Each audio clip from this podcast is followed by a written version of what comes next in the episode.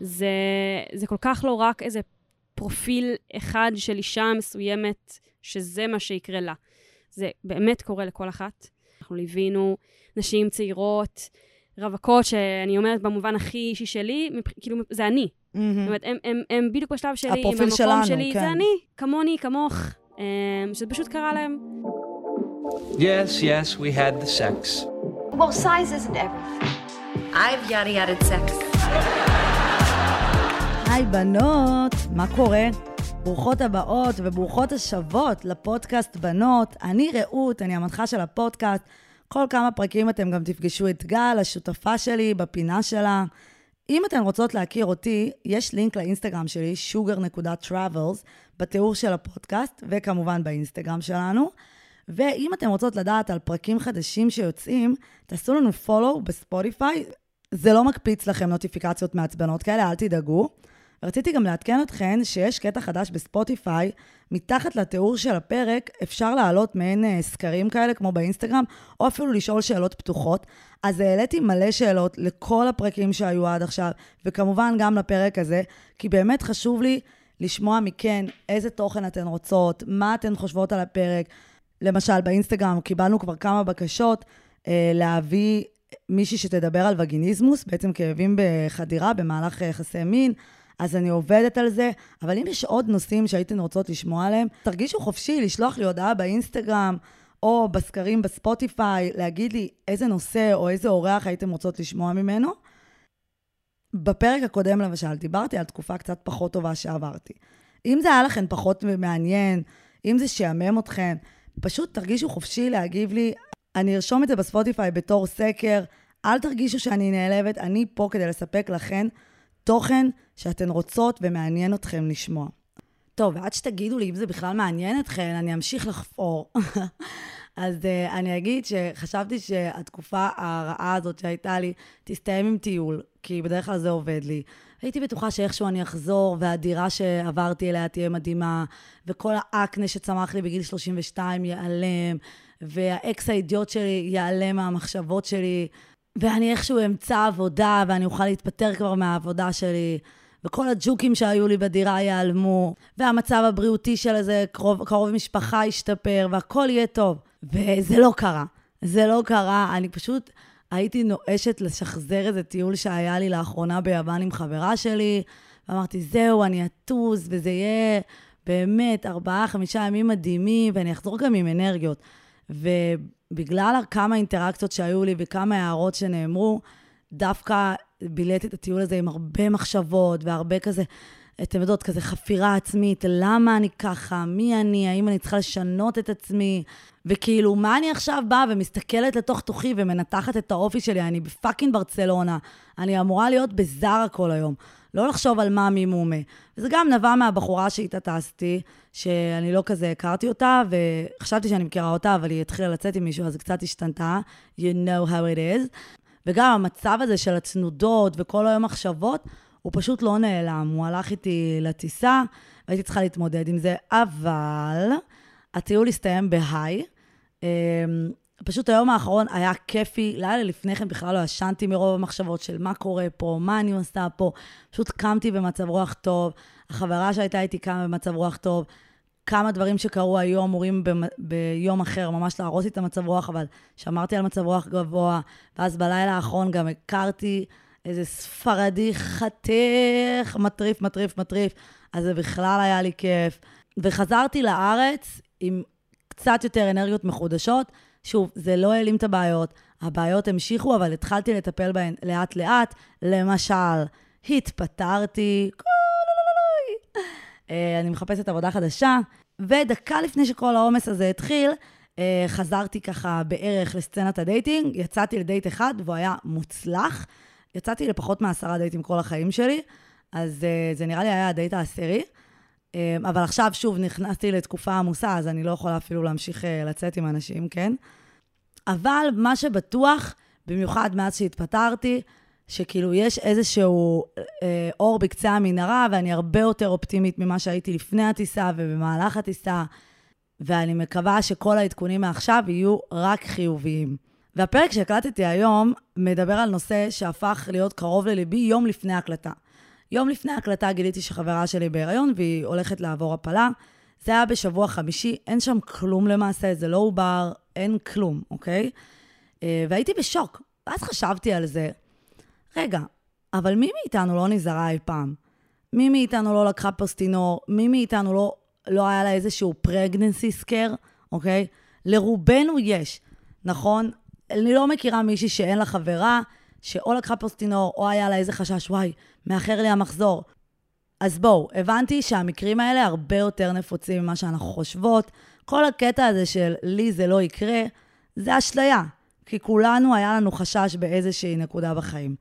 ודיברתי עם, חבר, עם החברה הזאת אחרי שהיא עברה את השלב של הוועדה, והבנתי כמה התהליך הזה באמת מציג מכשול אמיתי, וכמה הוא לא באמת נחוץ. בזמן הוועדה שאלו אותה כזה, מה קרה? כאילו, איך זה קרה? אז uh, כאילו, זה עניינם באמת. אז היא אמרה, כן, uh, שכחנו להיזהר. ואז איזה מישהו אמר שם, uh, כן, ככה רובנו באנו לעולם. כאילו, אתה רציני עכשיו עושה בדיחות? ואז התחלנו גם לדבר על מה המקום של הגבר uh, בכל הנושא הזה, אוקיי? כי היא הייתה מאוד שלמה עם ההפלה, בואו, זה אפילו לא עובר, זה באמת כלום, זה שבוע חמש. אבל זה כן גרם לה לחשוב על מה עושים הלאה. איך אנחנו נמנעים ממצב כזה, שלא יקרה שוב? והתשובה היא כמובן אמצעי מניעה. ואז עולה פה השאלה של איפה המקום של הגבר בכל הנושא הזה. הרי כשעושים סקס צריך שניים לטנגו, נכון? אבל כשמדובר בכניסה להיריון וההעפלה, במיוחד כשזו הפסקה יזומה במקרה שאת בזוגיות חדשה, או אני מכירה בחור שהכניס בחורה להיריון על הדייט הראשון, ועכשיו הם גרושים. אז כאילו, מה המקום של הגבר בכל זה? למה אין עליהם את האחריות? והתחלנו לדבר על זה הרבה, והנושא הזה מאוד בוער בי. אני מאמינה שאפשר לייצר אמצעי מניעה כמו גלולות בדיוק לגברים, או שיש אין ספור פתרונות במאה ה-21, אבל כמובן שאי אפשר לשווק דבר כזה שיפגע בכוח האלפא של הגבר, God forbid, למרות שזה בסדר שאנחנו נהיה מונעות מהורמונים מלאכותיים שפוגעים לנו בגוף בצורה יומיומית, זה בסדר. אבל לגבר אי אפשר לעשות דבר כזה. בקיצור, זה העלה את כל העצבים המרוקאים שלי שוב, ואמרתי, אני חייבת לעשות על זה פרק כמה שיותר דחוף. אה, פשוט יש לנו קצת אה, עומס עם האורחים, אבל אני אגיע גם לזה. וזהו, אז בואו נעבור לפרק.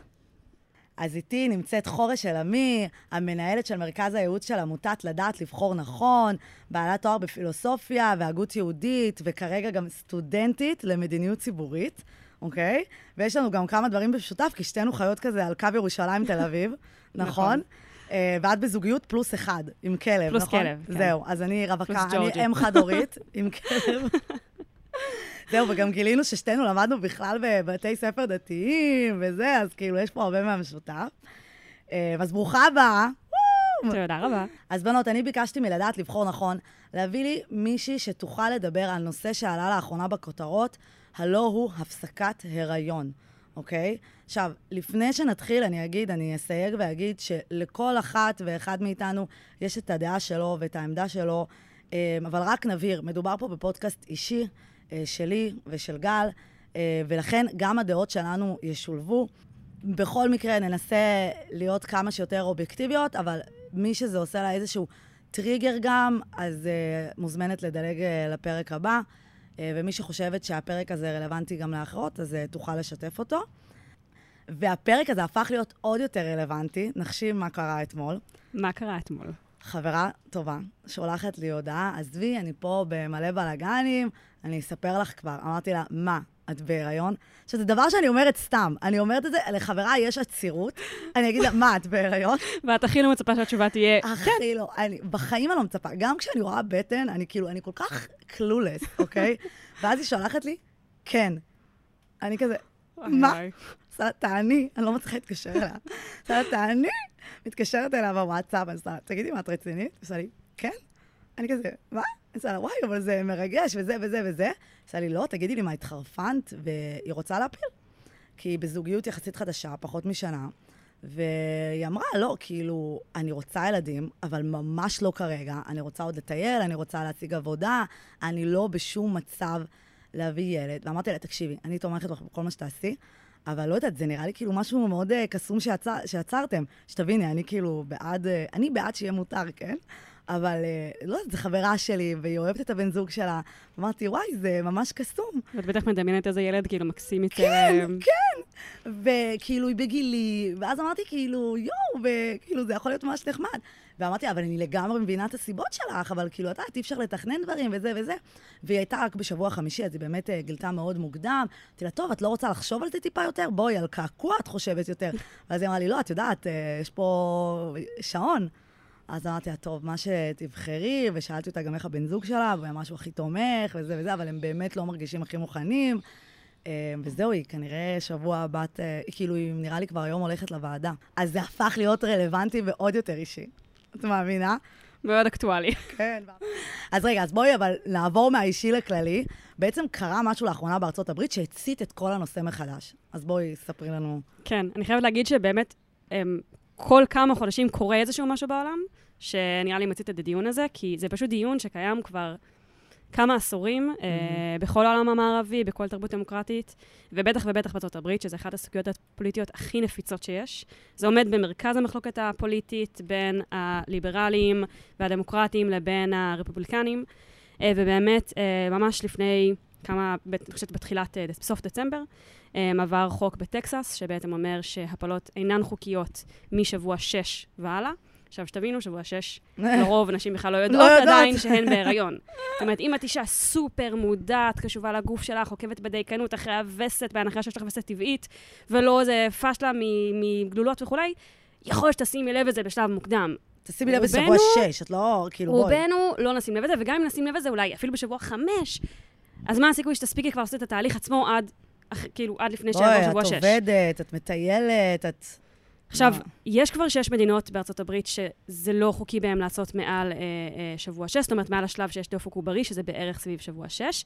אממה, מה שונה בטקסס? אה, שם העבירו גם, החוק מאפשר, לא רק, הוא לא רק אומר שזה לא חוקי, הוא גם אומר שכל אזרח אה, יכול לדווח על אזרח אחר שאפילו רק סייע אה, לגורם הרפואי או וואי, לאישה וואי. שעושה את ההפסקת ההיריון, יכול לדווח להם, זאת אומרת, הם, אפשר להעמיד אותם לדין. נהג האובר שהסיע אותה, אה, המזכירה במרפאה שהיא הלכה אליה, הסבתא שהביאה את הכסף לעשות את התהליך, כל גורם מסייע יכול להיות מועמד לדין, ומי שיכול לדווח עליו זה לא רק המשטרה או, ראש- או רשויות האכיפה, זה אזרחים אחרים. זה כמו של אה, הרשות אה, לזהירות שהם, בדרכים, שהם עשו כזה, בדיוק, אם אתה רואה, כן. כן. לא, אז... אה, אז זהו, אז האמת שמתי שראיתי את זה, אז גם ראיתי שמלא אפליקציות כמו במבל, Match.com, שבעצם זה טינדר ואוקיי קיופיד, מלא מלא אפליקציות הקימו פתאום קרנות לסיוע, וגם אה, ליפט ואובר אמרו שנהג שמסיע מישהי למרפאת הפלה, ובעקבות זה יכול להסתבך, הם ייתנו לו סיוע משפטי.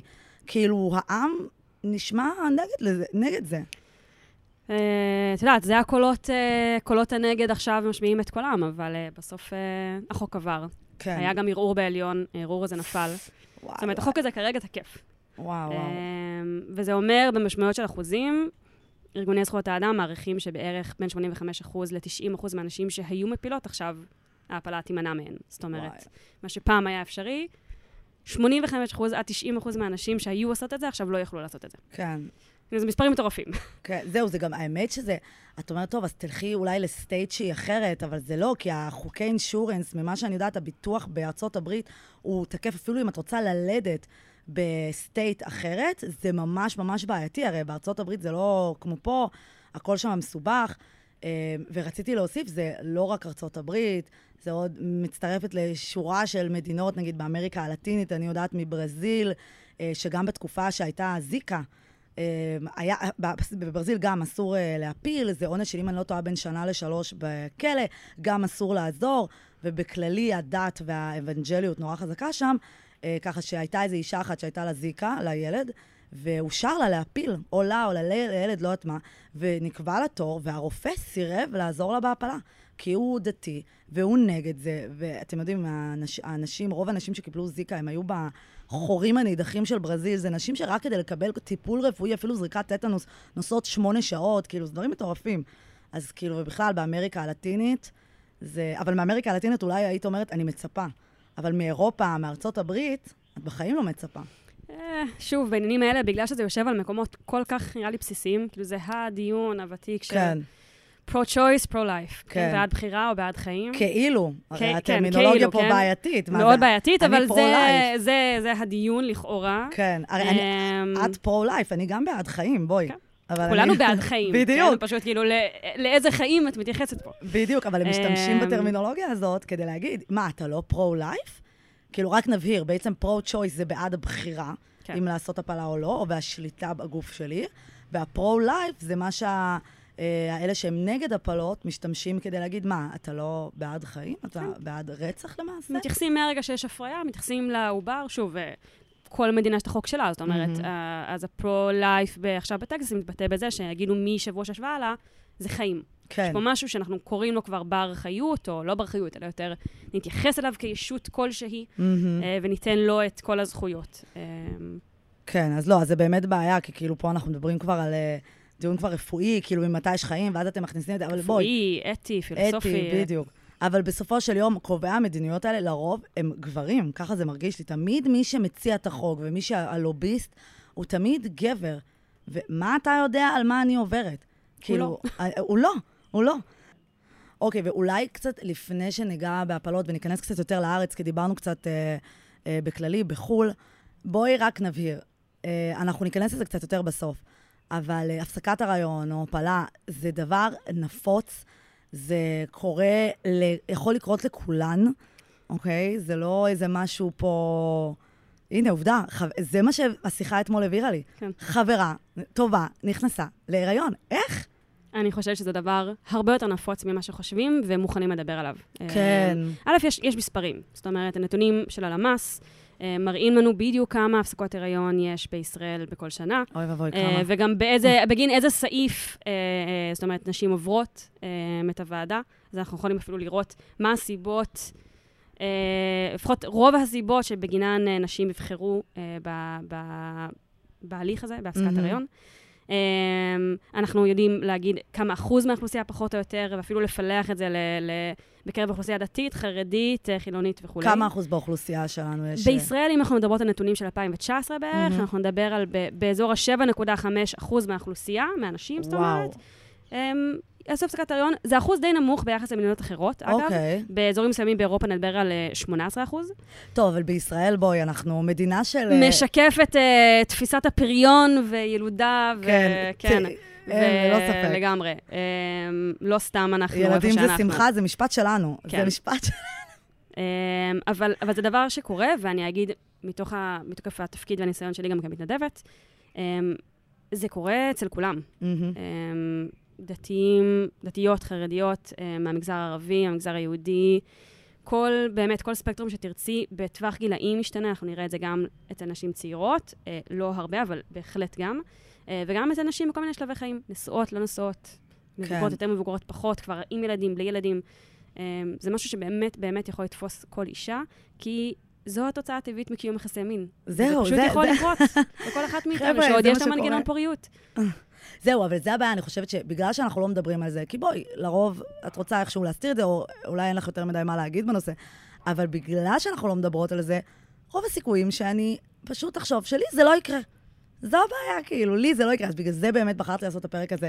בנות, זה יכול לקרות, תשמרו על עצמכם. אם אתן רוצות, אם לא אכפת לכם, לי, היה לי בש, באיזשהו שלב בן זוג, שאמרתי לו, אתה יודע מה? היום אפשר בלי אמצעי מניעה, ואנחנו כבר הרבה זמן ביחד, ואנחנו כבר גדולים, ואם אני אכנס להיריון, אני אכנס להיריון, אני אשמח להביא ילד. את מבינה? אבל זו הייתה מבחירה מאוד מאוד מודעת. אז כאילו, תהיו מוכנות לזה. כן, אני גם חושבת שבחירת האמצעי מניעה מאוד משקפת גם את ה... מה העמדה שלנו סביב נכון. הריון או לא. כי יש אמצעי מניעה שאחוזי היעילות שלהם הם יותר גבוהים, ורמת המעורבות שלהם בגוף היא יותר טוטאלית, אפשר להגיד. יש אמצעי מניעה שהם עדיין אמצעי מניעה, אבל עם אחוזי יעילות טיפה פחות גבוהים. וגם, אני חושבת שהבחירה גם תשקף אולי אה, את העמדה שלנו, כמה, כמה סיכון אנחנו מוכנות לקחת. זאת אומרת, כן. איזה אחוז אנחנו מוכנות לספוג ולהגיד, אני מוכנה להכיל את זה, כי וואלה, אני במצב שבו אם הילד יבוא, אז יבוא. בואי, את רואה נשים שילדו כבר, נגיד, ארבעה ילדים, והן ממש לא רוצות ילדים, את רואה אותן, נוקטות, אותן נוקטות בכל אמצעי המניעה האפשריים. אני לא עושה את זה שוב. יותר, אני מרגישה שזה יותר, מבחינה מנטלית, מאשר מישהי שצעירה וזה, בנות, ש- נשים שבאמת לא רוצות, הן יודעות מה לעשות, אוקיי? בגיל צעיר אנחנו יותר קצת אה, ומעלה כזה, נו. שוב, וגם, ואני אומרת, וגם אם נקטנו את כל אה, ה- צעדים אפשריים, לפעמים, לפעמים דברים. קורים. כן. בואו נזכיר את אה, רוס ורייצ'ל, סתם. אני לא, לאלה שלא זוכרות, לא יודעת. אם אתן לא זוכרות, רוס השתמש בקונדום, ורייצ'ל נכנסה להיריון, ואז מה שהם אמרו, שקונדומים, קונדומים יעילים רק ב-99 אחוז. זה נכון? זהו. 99 אחוז, זאת אומרת, אפילו אמצעי מגיעה הכי כאילו... כי זה לא תמיד, אולי אה, הקונדום בתנאי היה מעבדה. פג תוקף, אולי. הם לא שמו לב שנוצר חור כזה. כן. אז אוקיי, אז אמרנו, זה קורה לכולן, אה, ועכשיו בואי נדבר קצת יותר עלינו, על הישראליות. אם זה קורה לנו בישראל, מה המדיניות מבחינת ישראל? אוקיי, אז באמת, אה, אני, שנייה לפני שאני אסביר מה קורה בדיוק בארץ, אני אתן שנייה איזשהו כזה הסבר יותר רחב. בכללי, כשמסתכלות על אה, הפסקות הריון בעולם, אה, אנחנו מדברות במונחים של מדיניות אה, מתירה, מדיניות אוסרת ומדיניות מגבילה. עכשיו, זה מונח טיפה מתעתע, כי מה שהחוק אומר לא בהכרח משתקף במציאות עצמה. למשל, בארצות הברית, אם שנייה נחזור לשם. אה, המדיניות ככלל היא, מתירה. זאת אומרת, אוקיי. אפשר, הפס- הפסקות הריון הן חוקיות, ואישה יכולה לבחור בהן. Um, זה פסיקה תקדימית שכבר uh, באיזשהו מקרה מפורסם של vs. Wade, uh, ועוד פסיקות uh, נוספות, אבל היא, זה הסטטוס קוו של החקיקה האמריקאית, אלא שהחקיקה הפדרלית, שמאפשרת לכל מדינה גם לעשות חוקים מותאמים משלה, מאפשרת לכל מדינה גם uh, להגביל או לשנות טיפה את, ה, את המציאות. Uh, ובפועל, בהרבה מדינות, יש חקיקה שמגבילה, הנה ראינו, שיש מדינות שאי אפשר מעל דפוק עוברי, טקסס שמעל שבוע שש כבר מהמם. אסור, מדינות שמגבילות אה, בעניין של אה, אפשרות של מימון, אה, אסור לביטוחים לבטח תהליך הזה מבחינה אה, כלכלית. אין, אין מספיק מרפאות בשביל שזה בכלל יהיה נגיש, זאת אומרת, יש גם עניין של כמה זה נגיש, מה בכלל ההיתכנות שלי פרקטית לעשות את הדבר הזה. נכון. אמ, אז בפועל בארצות הברית יש הרבה מדינות שבהן זה מאוד מאוד קשה, זה לא נגיש. ישראל, לעומת זאת, מדינה שעל פי החוק אוסרת. אה, אנחנו. לא מתירה. אנחנו אוסרות, אוקיי. זה בתוך דיני העונשין שלנו, בסדר? אה, וואו. אה, אבל אנחנו אוסרות, אלא במקרה ש. זאת אומרת, אנחנו באיזשהו מקום יותר, אפשר להגיד שאנחנו קרובות למדיניות המגבילה. אוקיי. אמ, אסור, אלא במקרה ואת עוברת ועדה. ומעבר ועדה מותנה בקריטריונים. עכשיו, הקריטריונים האלה הם קשיחים. אוקיי. בוועדה להפסקת הריון ישבו תמיד אה, רופא או רופאת נשים, עוד רופא אחר ועובדת סוציאלית. אה, עובד או עובדת סוציאלית, אה, לא נהיה מגדרים. אה, ובעצם הוועדה, אין לה שיקול דעת. יש קריטריונים, אם את מתאימה לאחד מהם, את עוברת. אוקיי. נקודה, ומקבלת אישור. אני רק אציין, יש אנשים שמפחדות מ- אולי מגרידה, ושיתפו אותי שגרידה זה רק משלב מסוים. את נכון. יכולה אולי להגיד על זה משהו? כן, בעצם האופן שבו הפסקת ההריון מתבצעת, היא תלויה גם בשלב שאת נמצאת בו בהיריון. זאת אומרת, עד שבוע 9 פלוס 0, פלוס 0 זה כאילו הימים.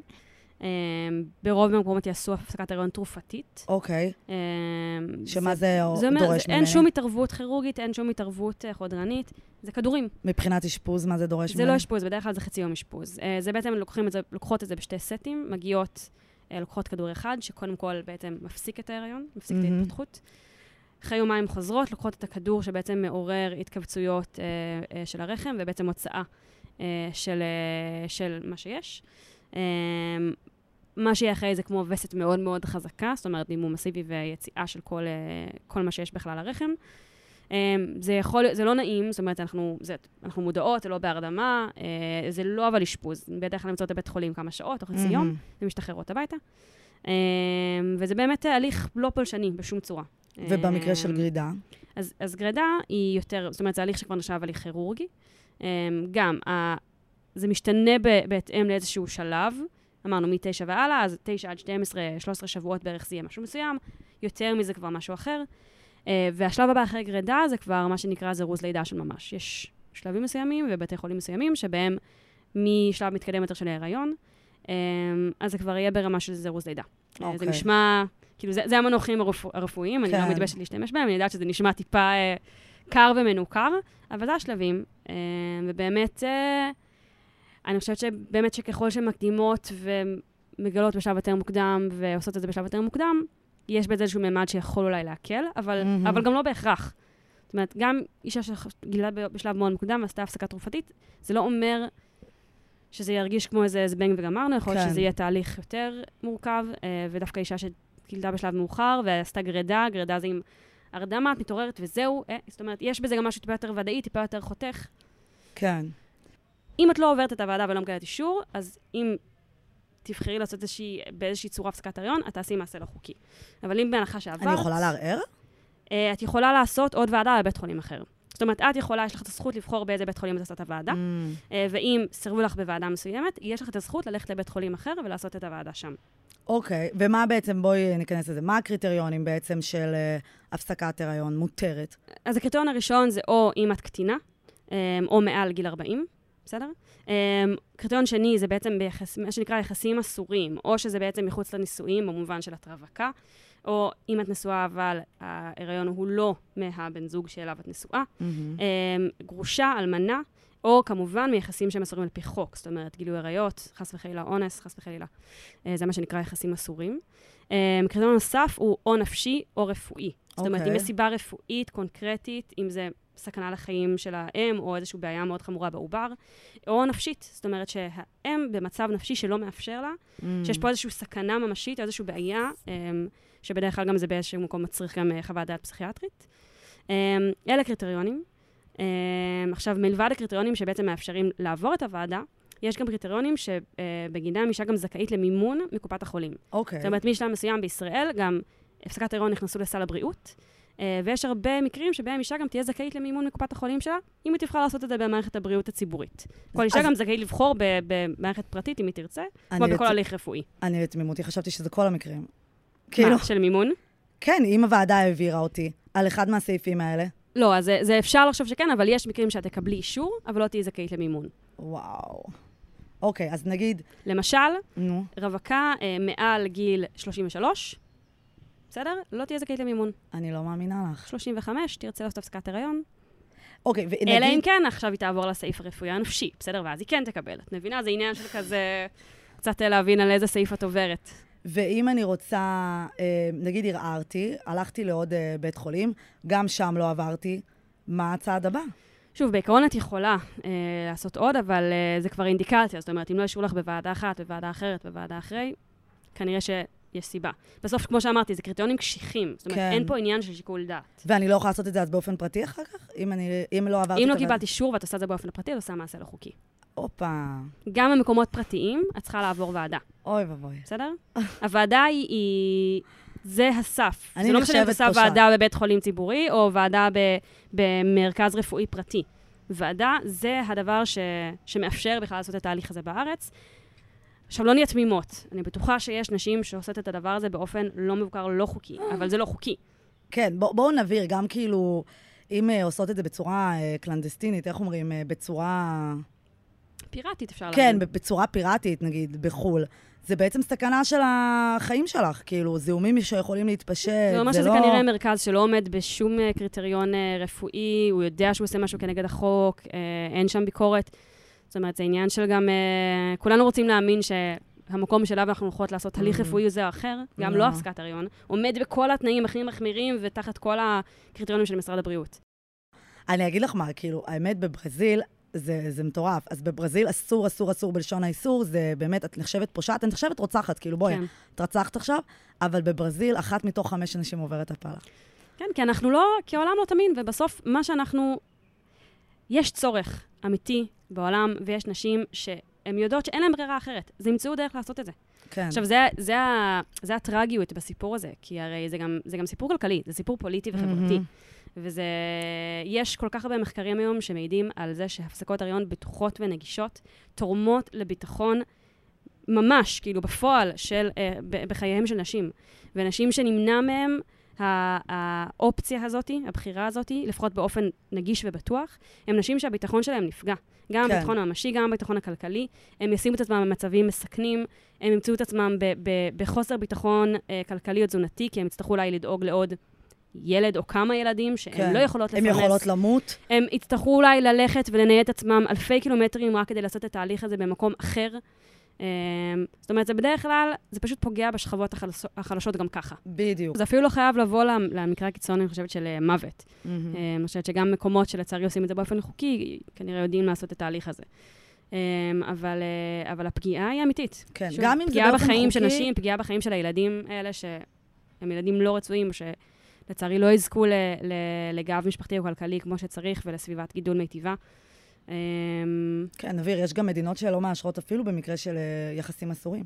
כן. אני ראיתי על מדינות, כאילו, משמע, אם נאנסת, או אם אה, בעלו אותך אחד מקרובי המשפחה שלך? הנה, טקסס, זה לא משנה אם, את, אה, כן. אם ה- אה, ההיריון הוא כתוצאה מאונס, אם זה מעל שבוע שש, שנקרא לכי תחפשי. ובואי, ומה הכי מרגיז אותי בכל הסיפור הזה? שילד נוצר עם, משני אנשים, אוקיי? אבל בסופו של יום, מי שנושאת באחריות, no matter what, לא משנה כמה תגידו טוב, הוא חייב לשלם דמי מזונות וכל זה, בסופו של יום זה האישה הזאת שסובלת מזה, אוקיי? אם הגברים באמת היו איכשהו סובלים מהיריון לא רצוי, או מהנטל, במרכאות, של ילד לא רצוי, והיו צריכים לממן אותו, החוק הזה לא היה עובר בכזאת קלות, בשום מדינה, נכון? אני חושבת שיש פה באמת גם הקשר מגדרי מאוד ברור, הקשר מיני מאוד נוכח, ואני חושבת שזה פשוט, שוב, זה... הנושא הזה הוא כל כך טעון, זה נושא שהוא עם המטען של, של מסורת, של דת, של תפיסה של איפה מוקדי החיים שלנו, ו- וסביב, ומה הערכים המובילים והמעצבים של החברה שלנו. כן. אמ, ולא צריך להיות ולהיוולד לחברה שמרנית או דתית בשביל להחזיק בתפיסה שהחיים וילדים נכון. ומשפחה והיריון זה, זה קודש, וזה הדבר הכי יפה שיכול לקרות, וזה, הרי זה טבעי, זה ביולוגיה. ביולוגיה שוב, ש... אני חושבת שזה זה טבוע בנו עמוק, וכן, אני חושבת שבסוף, באופן ברור, אה, הפוליטיקה, אה, גם פעם וגם עד היום, אה, מנוהלת ברובה בסביבה גברית, מתוך השקפה גברית.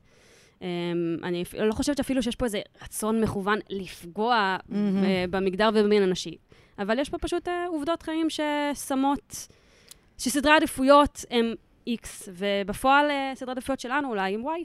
כן, אני חושבת שישראל, זה, זה, שוב, זה קצת פרדוקס, אה, לכאורה החוק, תחת חוקי דיני מהמם. העונשין, אוסר, אבל בפועל המדיניות מאפשרת, היא מתירה, כי רוב הנשים המוחלט, 99 אחוז, 99 או 98 אחוז מהנשים שיפנו לוועדה להפסקת הריון, יקבלו אישור להפסיק מהמם. את ההריון שלהן. Um, מי שלא, זה מקרים מאוד מאוד נדירים. Um, או אם כבר מדובר באמת, uh, באמת בישראל, מעל שבוע 24, אנחנו מדברים, uh, ההגדרה היא כבר שעובר הוא בר חיות. אה, אז אה, רגע, ואז זה... מדובר על ועדה אחרת שנקראת ועדת על, ושם באמת ייתכן שלא לא לקבל אישור. רגע, אז זה קריטריון מאוד חשוב. אז כל הקריטריונים שעליהם עברנו עד עכשיו זה עד שבוע 24. עד שבוע, כן, 23, 24. 24 זה הסף שכבר אנחנו מדברות על ועדה אחרת. וואי. ואז, ובוועדה האחרת הזאת, מה הקריטריונים שתחתיהם אני יכולה להפיל? אין קריטריונים מוצהרים, כי בעצם פה אנחנו מדברות על עניין שפה בעצם כל ה... המשקל עובר לצד השני של המאזניים. אם עד שבוע 23, בעצם כובד המשקל היה על האישה, קריטריונים הם קריטריונים שמתייחסים למצבה של האישה, ובגללם היא מקבלת אישור, ובעצם הבחירה היא כן בידיים שלה. כמו שראינו, היא יכולה להגיש את הבקשה, 99-98% מהבקשות נענות באישור, מהמם. אבל מהרגע שבו אנחנו עוברות את שבוע 24, המשקל עובר אל העובר. זאת אומרת, הוא הופך להיות במרכז פה, כי הוא נחשב עובר בר חיות. בר חיות אה. במונח הזה זה אומר שאם עכשיו פתאום תהיה לידה, מהמם. אה, ייתכן והעובר הזה יישאר בחיים. אה. זה, זה בדיוק אה, איפה ש...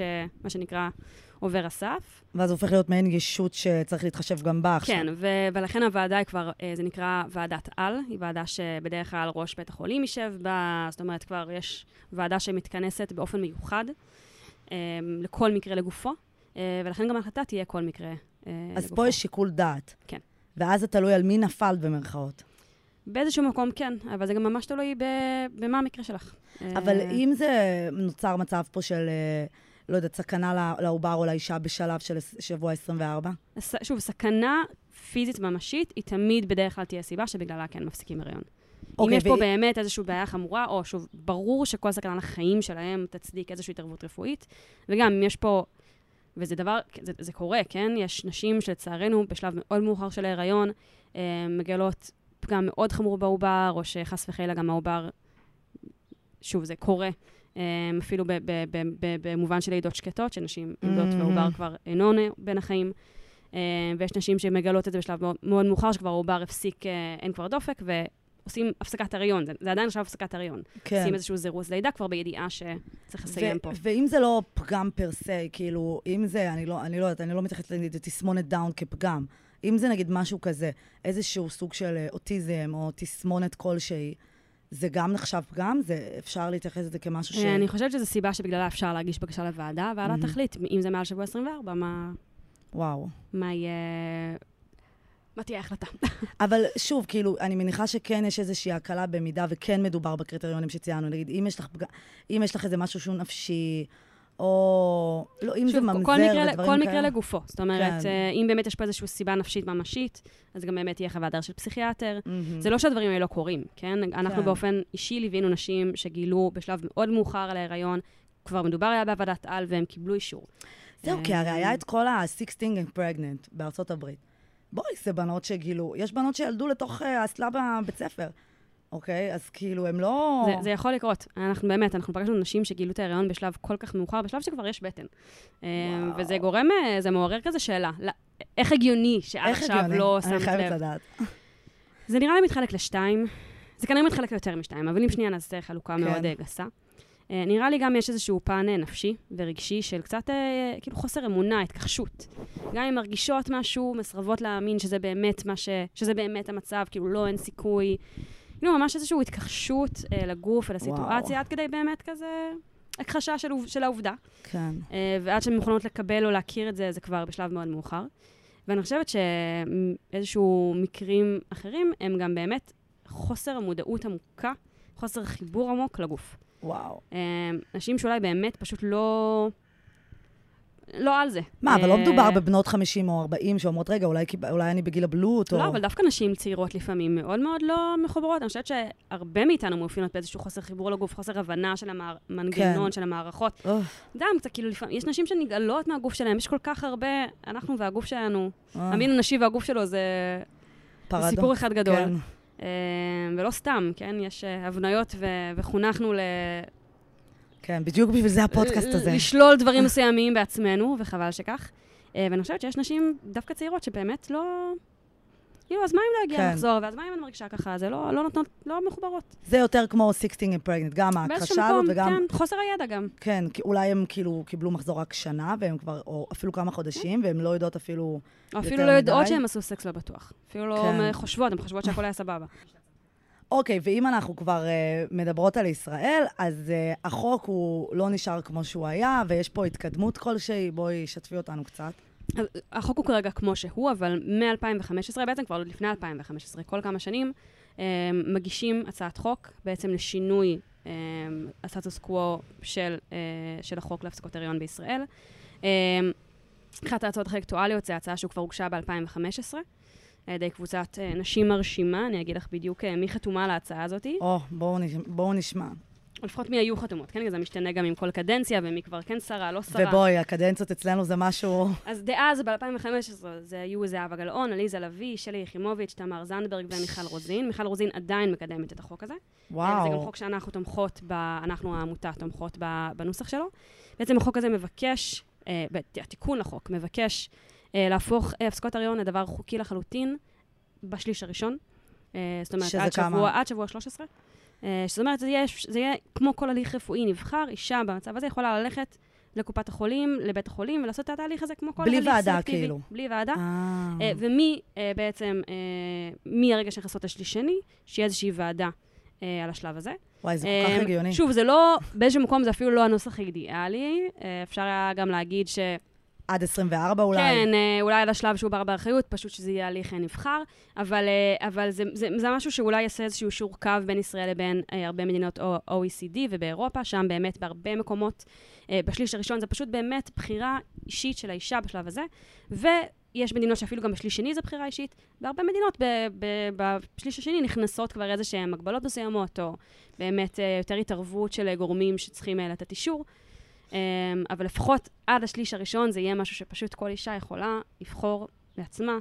זה מגוחך, אמ, כאילו, זה, כאילו באיזשהו מובן אני אומרת, I'll take what I can get, תנו לי את זה.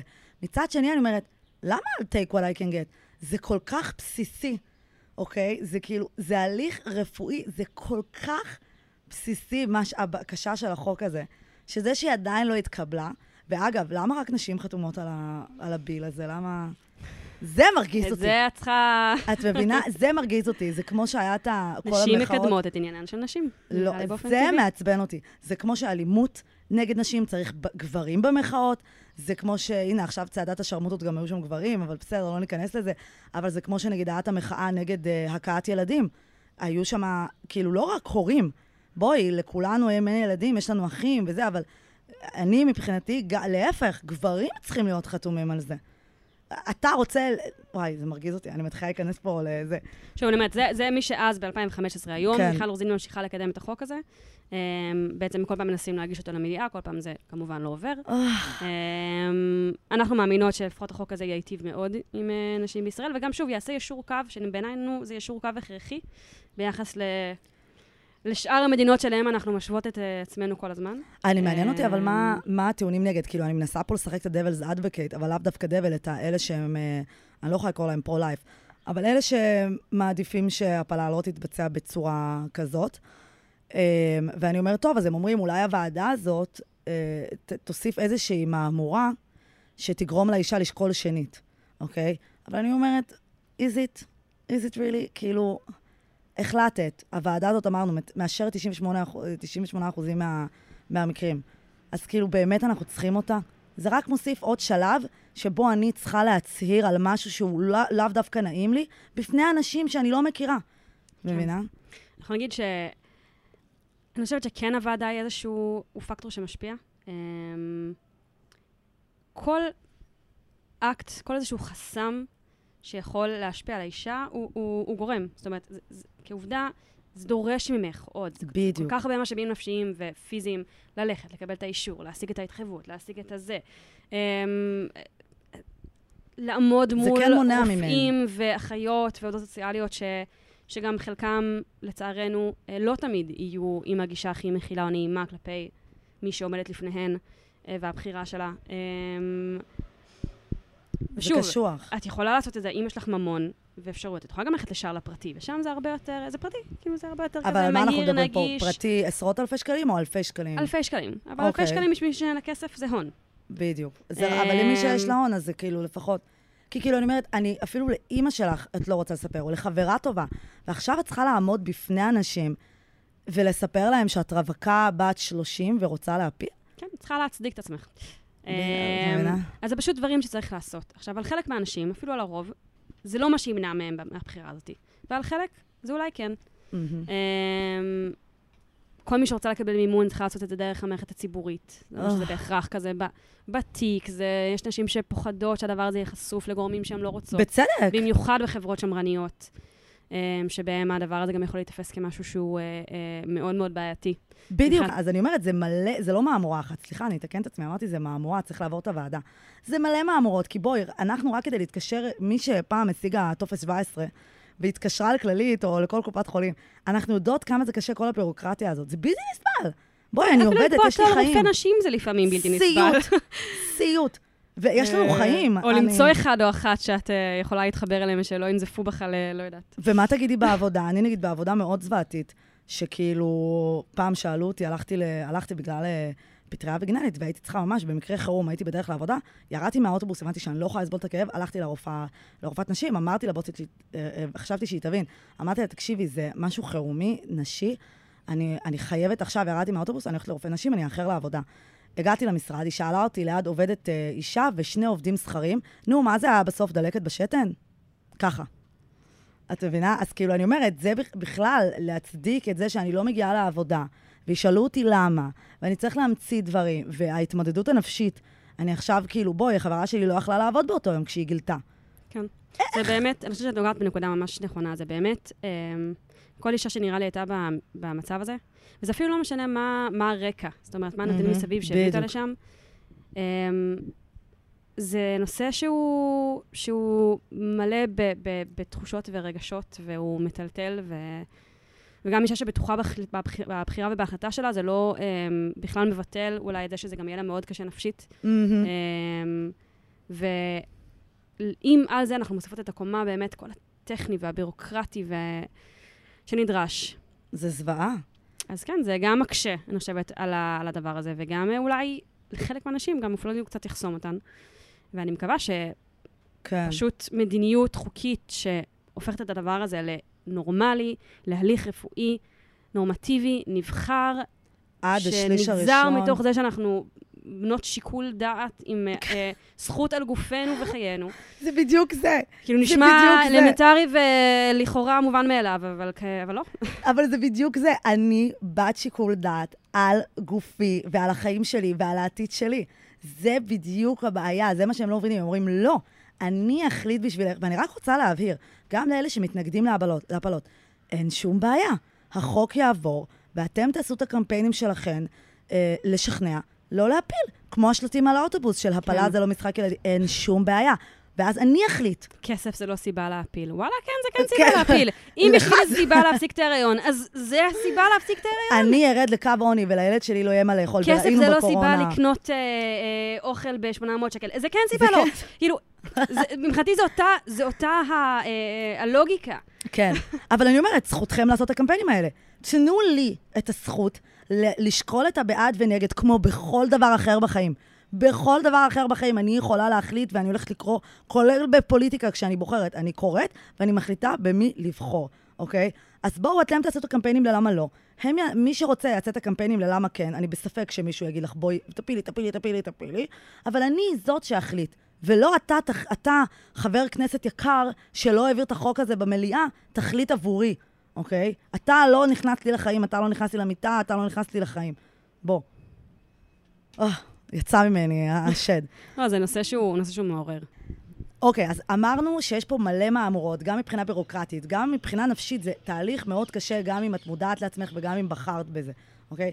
אבל בעצם בשביל זה קיימות עמותות כמו לדעת לבחור נכון, אה, ורציתי שתספרי לנו קצת גם על העמותה, על אה, מה אתם עושים, ובואי נתחיל אה, איתך. למה בעצם התחלת לעבוד ולהתנדב בעמותה? אמ, אני חושבת שאולי הסיפור שלי מייצג כזה את הסיפור של הרבה נשים שמגיעות לעמותות כמו לדעת וללדעת ספציפית. אמ, פשוט במובן הכי בסיסי, אני הרגשתי צורך למצוא מקום ש... אמ, כאילו מתעסק ועוזר נשים כמוני. ונשים ש... ושוב, אני גדלתי בסביבה פמיניסטית ומודעת, ותפסתי מעצמי בחורה עם אה, יכולות וידע וכולי, ועדיין הרגשתי שבכל מה שקשור לסיפור של מיניות, פשוט חור שחור. אמ, וגם איזשהו חוסר יכולת עם עצמי, אה, מהמם. באמת אה, לדבר ולשוחח על הדברים האלה. אמ, והיו לי כבר כמה אה, בעצם אה, חברות מהסביבה הקרובה שלי, שבעצם התנדבו בלדעת, וככה גיליתי על העמותה. זה, ב- זה יושב על האישי. כאילו, זה חיפשתי מקום שהוא יכול להיות לי בית לתוך השיח הפנימי של עצמי על חיים של נשים וחוויה נשית. אה, האמנתי במתודולוגיה הזאת של פשוט אחת על אחת, ופשוט לדבר ופשוט להיות שם. מהמם. אני אישית כשהייתי הייתי בנפאל כמה חודשים, והתנדבתי בארגון מקסים שנקרא תבל בצדק, ועבדתי שם עם נשים. אה, וואו. ושם הבנתי כמה um, לפעמים אפילו השפה, זאת אומרת, זה שאנחנו לא דוברות אותו השפה, um, לא, לא פוסל אפשרויות תקשורת, ויש מהמם. שפה אחרת. וזה שאני אישה והיא אישה מאפשר לנו לתקשר על כל מיני דברים שהם ב... כאילו חוויות יסוד הכי תשתיות. שלנו. זה מה שמאחד בינינו. כן, אני חושבת ששם כזה זה מאוד, היה לי ברור, אחרי כזה שנים ש... שהפמיניזם היה איזה מילה, שם הבנתי יותר מה המקום שלי סביב הסיפור הזה של נשים. מדהים. אה, וכשבאמת אה, חזרתי לירושלים והתחלתי ללמוד וכולי, אז, אז לדעת בשבילי היה כבר כזה השלב הבא, שבו באופן אקטיבי אני, אני מוצאת לי בית שאני יכולה להתעסק בו בנושא הזה, אה, ואשכרה לעשות איזשהו אימפקט. אה, ומאז באמת המרכז ייעוץ הוא בית בשבילי, והמרכז ייעוץ הוא פשוט מקום, אה, הוא מרכז שנותן אה, מענה, ליווי, ייעוץ ותמיכה. כל מה שקשור בעצם למניעת הריון. אה, אמצעי מניעה, יחסי מין, חשש להיריון, הריון, הפסקות הריון. אה, אוקיי. כל אחד ואחת יכולות לפנות אלינו, הרוב הן פונות, אבל לא רק, גם פונים, גם ביחד. יש לנו, אה, מתנד... כאילו, המ- המרכז מופעל על ידי מתנדבות לגמרי, יש לנו, אה, הרוב המוחלט הן יועצות, יש לנו גם יועץ, אולי יהיו עוד יועצים בהמשך. אמן. אה, וזהו, פונה, מספרת לנו מה, מה המקרה, או, או במה היא צריכה עזרה, או פשוט שואלת את השאלה, ואנחנו עונות. מהמם. אה, באמת בסיפור הזה של הפסקת הריון, אנחנו נמצאות איפה שרוצות שאנחנו נהיה. אה, וחלק מהנשים צריכות רגע את ה... פשוט האינפורמציה. מהמם. בסוף, בסוף, כשמבינות מה הצעדים, אפשר לעשות את זה ולעבור את זה והכל יהיה בסדר, אבל לוקח זמן שנייה להבין, וכמו שסיפרנו, זה, יש בירוקרטיה, יש שלבים, יש דברים שצריך לעשות קודם, אמ, יש סדר פעולות, ו, ולפעמים אנחנו פשוט מנגישות מה סדר הפעולות, לאן היא יכולה לפנות, איך קובעים תור לוועדה, מה השלבים. אנחנו, אנחנו מרגיעות אותה ואומרות לה, אל תדאגי, את, את תעברי ועדה, כן. אין לה שיקול דעת, את תעברי, את תקבלי את האישור, ואת יודעת מה, את אפילו תקבלי מימון אם את רוצה לעשות את זה בבתי חולים ציבוריים. ואם היא מגיעה שלב לפני ש... היא לא יודעת אם היא רוצה לשמור את העובר. אז אנחנו שם גם בהתלבטות. אנחנו, הקו יסוד של העמותה זה זכות האישה על גופה. זאת אומרת, זכותה לבחור מה שטוב לה. ואם היא רוצה לשמור בהיריון, זו בחירה לגיטימית, זו בחירתה. אה, אין לנו כלים לסייע לה מבחינת אה, אחרי זה בהיריון עצמו, אבל אנחנו אפילו נפנה למקומות שאפילו יהיו מבחינתנו האנטיתזה שלנו, אם זה אומר שהיא תקבל אה, סיוע שהיא מעוניינת בו, אה, ולשמור על ההיריון. אה, אנחנו נתקף את, ה, את השיקולים שלה, אנחנו נאשרר כל דבר שמבחינתה הוא לגיטימי ב, ב, בסיפור הזה. ויותר מזה, גם נחזק את זה ש, שזה באמת התלבטות, ואם היא במקום של התלבטות, אז, אז שתהיה שם. אנחנו לא. מנסות ל, ל, לשכנע לשום דבר, בטח שלא להפסיק הריון אם מישהי לא בטוחה שזה מה שהיא רוצה. זהו, אז זה מה שחשוב להעביר, בנות, זה כאילו, זה, אתן לא פונות לעמותה רק כשאתן רוצות להפ... להפסיק הריון, או שגם בשלב של הלפני, אפילו החשש, אני לא יודעת, ואיזה, איזה, איך אני בכלל בודקת, כן. אה, איזה, מה אני קונה בבית מרקחת, דברים כאלה, נכון? הרבה נשים, אה, כשבחשש שואלות, ואנחנו מסבירות, א', מתי בכלל אפשר לעשות את הבדיקה, אה, מה הוודאות שלה, זאת אומרת, אנחנו מסבירות, בדיקה ביתית, שבועיים, רק שבועיים לאחר המגע המיני, על הבוקר. עם השתן הראשון, ואם את בספק, בדיקת דם בקופת חולים. את רואה, זה דברים שאני לא יודעת, את מבינה? זה דברים שאפילו אני לא יודעת. נגיד, אם היום היה לי חשש, קודם כל איזשהו חשש, יכול להיות שזה חשש אחרי קיום יחסי מין, ויכול להיות חשש אחרי זה שלא קיבלתי מחזור. אבל אם כבר יש לי חשש אחרי קיום יחסי מין, אני יכולה לדעת כבר לפני שלא קיבלתי מחזור? אם עברו שבועיים מרגע קיום יחסי מין. אני כבר יכולה לבדוק. כן. אתם מבינות? זה כאילו אפילו אבל רק לא שבועיים. זאת אומרת, אם תעשי שבוע אה. אחרי, התוצאה עד- שתקבלי היא לא תוצאה שאת יכולה לסמוך עליה. כאילו שלושה שבועות אחרי קיום יחסי המין, אני לא יכולה לסמוך על התוצאה. לא, את יכולה, זה מה שאני אומרת. השבועיים ואילך. הזמן המינימלי הוא רק שבועיים. אם תבדקי לפני השבועיים, התשובה שתהיה לך היא לא תשובה אוקיי. מדויקת. היא לא תשקף באמת המציאות. רק שבועיים והלאה מקיום יחסי המין, אפשר בכלל להתחיל לבדוק בבדיקה ביתית. בדיקת דם אפשר כבר שבוע אחרי. וואו, אז טוב, זה טיפ מעולה. אה, ובמידה והן רוצות מעבר לתמיכה, הן רוצות כאילו תמיכה רגשית, הן רוצות גם ליווי. אז זה גם מה שאנחנו מספקות. אה, שוב, אנחנו תמיד שואלות את הפונה במה היא בכלל מעוניינת. האם היא בסדר עם זה שאנחנו נתקשר, נמשיך להתקשר אליה ונשאל מה שלומה, ואיך הולך לה, ואם היא מסתדרת, ואיפה עוד אפשר לעזור. האם היא רוצה שנהיה פיזית איתה בוועדה? זה לא בהכרח תמיד הסיטואציה הכי פשוטה. אה, יכול להיות שהפונה, אין לה מערכות תמיכה. יש פונות שפונות, ויש להן את החברה, או את האימא, או את האחות, או את הבן זוג, שאיתן בזה, והן לא צריכות אותנו שם פיזית. מהמם. ויש בנות שאין, פשוט אין מערכות תמיכה, או שיש מערכות תמיכה, אבל הן לא, הן לא רוצות לשתף אותן בסיפור הזה. בדיוק, אה, כן. מכל מיני סיבות, אם זה בושה, או אם זה רצון לשמור על זה דיסקרטי, מהמם. שוב, כל אחת וסיבתה שלה. אה, ואנחנו מציעות גם להיות שם. אה, אנחנו כמובן לא יכולות להבטיח את זה, אנחנו צריכות למצוא מתנדבת שתהיה, אבל זה בהחלט משהו שאנחנו עושות ועושות כבר הרבה זמן. אה, גם, אפילו גם בהליך עצמו, כן? כאילו גם. לי יצא אישית ללוות כמה נשים בהליך עצמו של הפסקת הריון. אה, שוב, אנחנו נהיה איפה, ש... איפה שרוצות שנהיה. רגע, ולגבי הוועדה, עכשיו שזה קצת מק... מקרה יותר קרוב אליי. עכשיו שוב, אם לא הייתי מנהלת את השיחה הזאת אתמול עם החבריי, תחשבי שאני הייתי מגיעה לרעיון הזה ואומרת, אני בחיים לא הכרתי אף אחד שעברה הפלה, את מבינה? אמ, אבל לגבי הוועדה, אם אה, יש לי בן זוג ואני רוצה להפסיק את ההיריון על בסיס זה שאני רווקה, האם עדיף ש... קודם כל, מותר, למי מותר להיכנס איתי לוועדה? לוועדה עצמה. בדרך כלל יכניסו אותך לבד, אבל אם את תתעקשי על זה שמישהו ייכנס איתך, המלווה שלך, הם אמורים להסכים. אוקיי. ואם אני עם בן זוג, האם עדיף אולי שהוא לא יבוא כדי שלא יראו אם שאני אתם, אם בזוגיות? אתם לא נשואים, זה לא משנה. הסטטוס משנה. שלך זה רווקה. אוקיי. הסטטוס הוא עניין חוקי, הוא לא עניין אה, של האם את בזוגיות או לא. אוקיי, מעולה. גם אם אתם אה, ביחד 20 שנה, אבל אין לכם שום סטטוס חוקי של נשואים וכולי, את, את תחשבי רווקה. אז זהו, אז כאילו, אם מישהי רוצה תמיכה של הבן זוג והיא אומרת, לא, אבל הם יראו שאני בזוגיות, אולי הם לא יעבירו שום אותי. בעיה. אז uh, מעולה. Uh, את יכולה אולי לשתף במקרים שליווית או נתקלת בהם, שאו הפתיעו אותך, או היו משהו שאמרת, אוקיי, זה לא מה שכולם חושבים, שזה איזה מישהי מהפריפריה.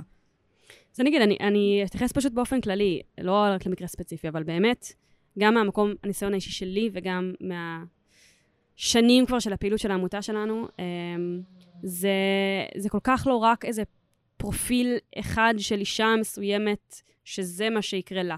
זה באמת קורה לכל אחת.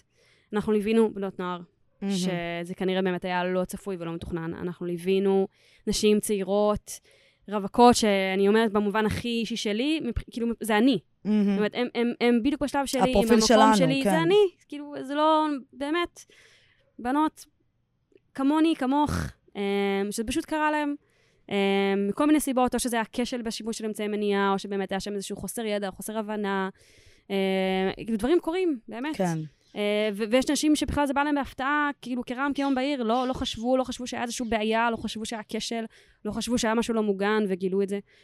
אה, וזה גם, גם נשים אה, אה, בשלבים יותר מאוחרים, נשים נשואות עם ילדים, מהמם. אה, שלא, זה, זה לא הריון רצוי, הם לא רצו את זה. אה, ואני אומרת, גם, גם, גם אין פה עניין של אה, מגזר או עדה מסוימת. מהמם. גם דתיות, גם חילוניות, ערביות, יהודיות, באמת, כל מה שתרצו, זה קורה לכולן. נכון. אמ, וה, וה, שוב, והעמותה שלנו יכולה להעיד על זה. אמ, ו- ואם זה יעזור לך או לכל אחת כן. אחרת להבין כמה זה נורמלי וכמה זה בסדר וכמה זה לא מעיד שום דבר רע או וואטאבר עליה. ממש לא. זהו, זה הבעיה, אני גם חושבת שהרבה אנחנו לוקחות אה, אשמה כלשהי עלינו, כי אני נכנסתי להיריון. ברור, זה לא אנחנו, זה הגוף בדיוק. שלנו. אנחנו את לא חסרות נכנסת אחריות. והן מופקרות, ואיך בדיוק. קרה, והרי אנחנו אמורות לדעת יותר טוב מזה. אה. ואלף ואחד דברים שאנחנו ניקח על עצמנו, זה, זה לא, בואו, בואו נזכיר, אני לא יכולה ליצור ילד לבדי. וגם נאשים את עצמנו על הבחירה. זאת אומרת, כן. גם אחרי שנאשים את עצמנו על זה שזה קרה, אז אנחנו גם עכשיו נאכל סרטים ונלקה את עצמנו עד, עד המוות על זה שהעזנו לבחור אה, אה, בחירה שהמשמעות שלה היא להפסיק את ההריון הזה, כי זה לא מה שאנחנו רוצות בו עכשיו. כן. זהו, אני בטוחה, אני רק מדמיינת מצב שזה היה קורה לי, אני בטוחה שזה, גם אם אני הייתי מוכנה לעשות את זה, יש פה את העניין של הרגשות אשם, או זה תמיד יהדהד בראש. כן, וזה, שוב, וזה גם בסדר, כן? כן. אבל uh, אני חושבת שחלק מהאשמה הזאת היא מגיעה ממה שנקרא מיקור חוץ. היא לא באמת מגיעה מתוכנו. ללא ספק. היא, היא נובעת מזה שיש כל כך הרבה לחצים וציפיות כי את יכולה להיות שלמה. שלנו. את יכולה להיות שלמה עם ההחלטה שלך, אבל משפט שאימא תזרוק, או הבן זוג, או... בגלל או זה אני מזכירה חושבת ש... בקופת חולים. אוי, אל תדברי איתי עליה, אני יצאתי שבוע שעבר בוכה מקופת חולים. אמ, אבל כן, זה בדיוק זה, אה, ואני חושבת שבגלל זה אני ניסיתי להיות עם החברה שסיפרה לי כמה שיותר תומכת.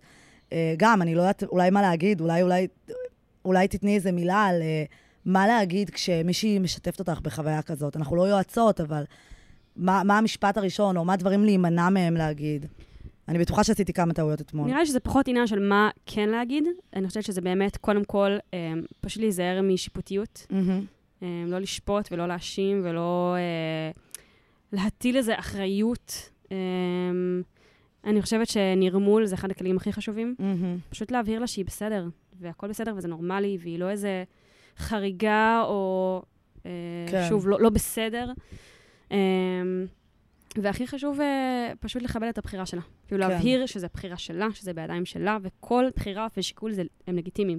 אמ, ולשאול גם אולי איפה היא רוצה שנהיה, לא תמיד. נכון. זה לא תמיד באמת- נשים רוצות שנהיה מעורבות בכל דבר. כאילו, לכבד גם את ה...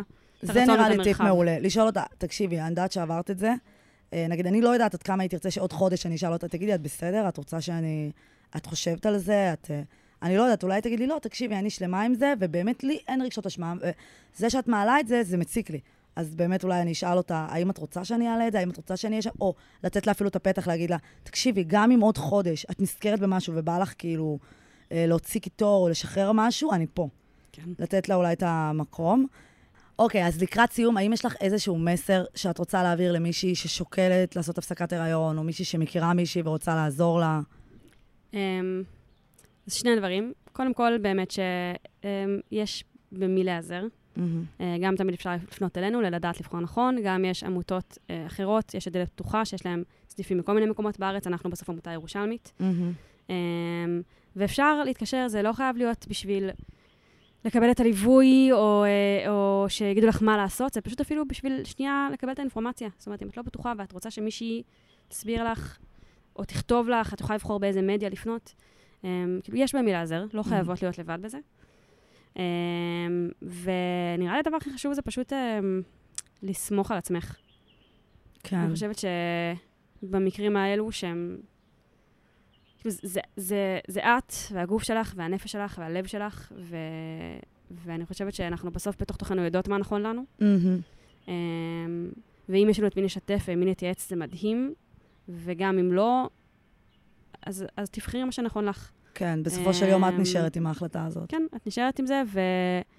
וזו החלטה, זה החלטה. זאת אומרת, זה, זה...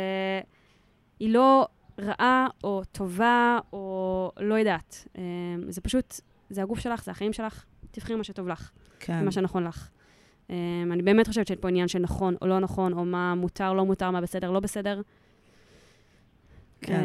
אה, כמו שאנחנו לא נאמר למישהי שבחרה אפיק קריירה מסוים, אה, שהיא עשתה בחירה לא בסדר או לא נכונה או לא... כאילו, אנחנו נכבד את הבחירה שלה, כן. הרצון האישי שלה. אז כן, זה נושאים שהם יותר, אולי הוא יותר כבד, יותר טעון, לא יודעת, יותר טריגרי, אבל בסוף, אה, בסוף זה החיים שלך ושלה ושלי ושל כולנו. אז אני באמת חושבת שאנחנו צריכות לסמוך על עצמנו בעניין הזה. נכון.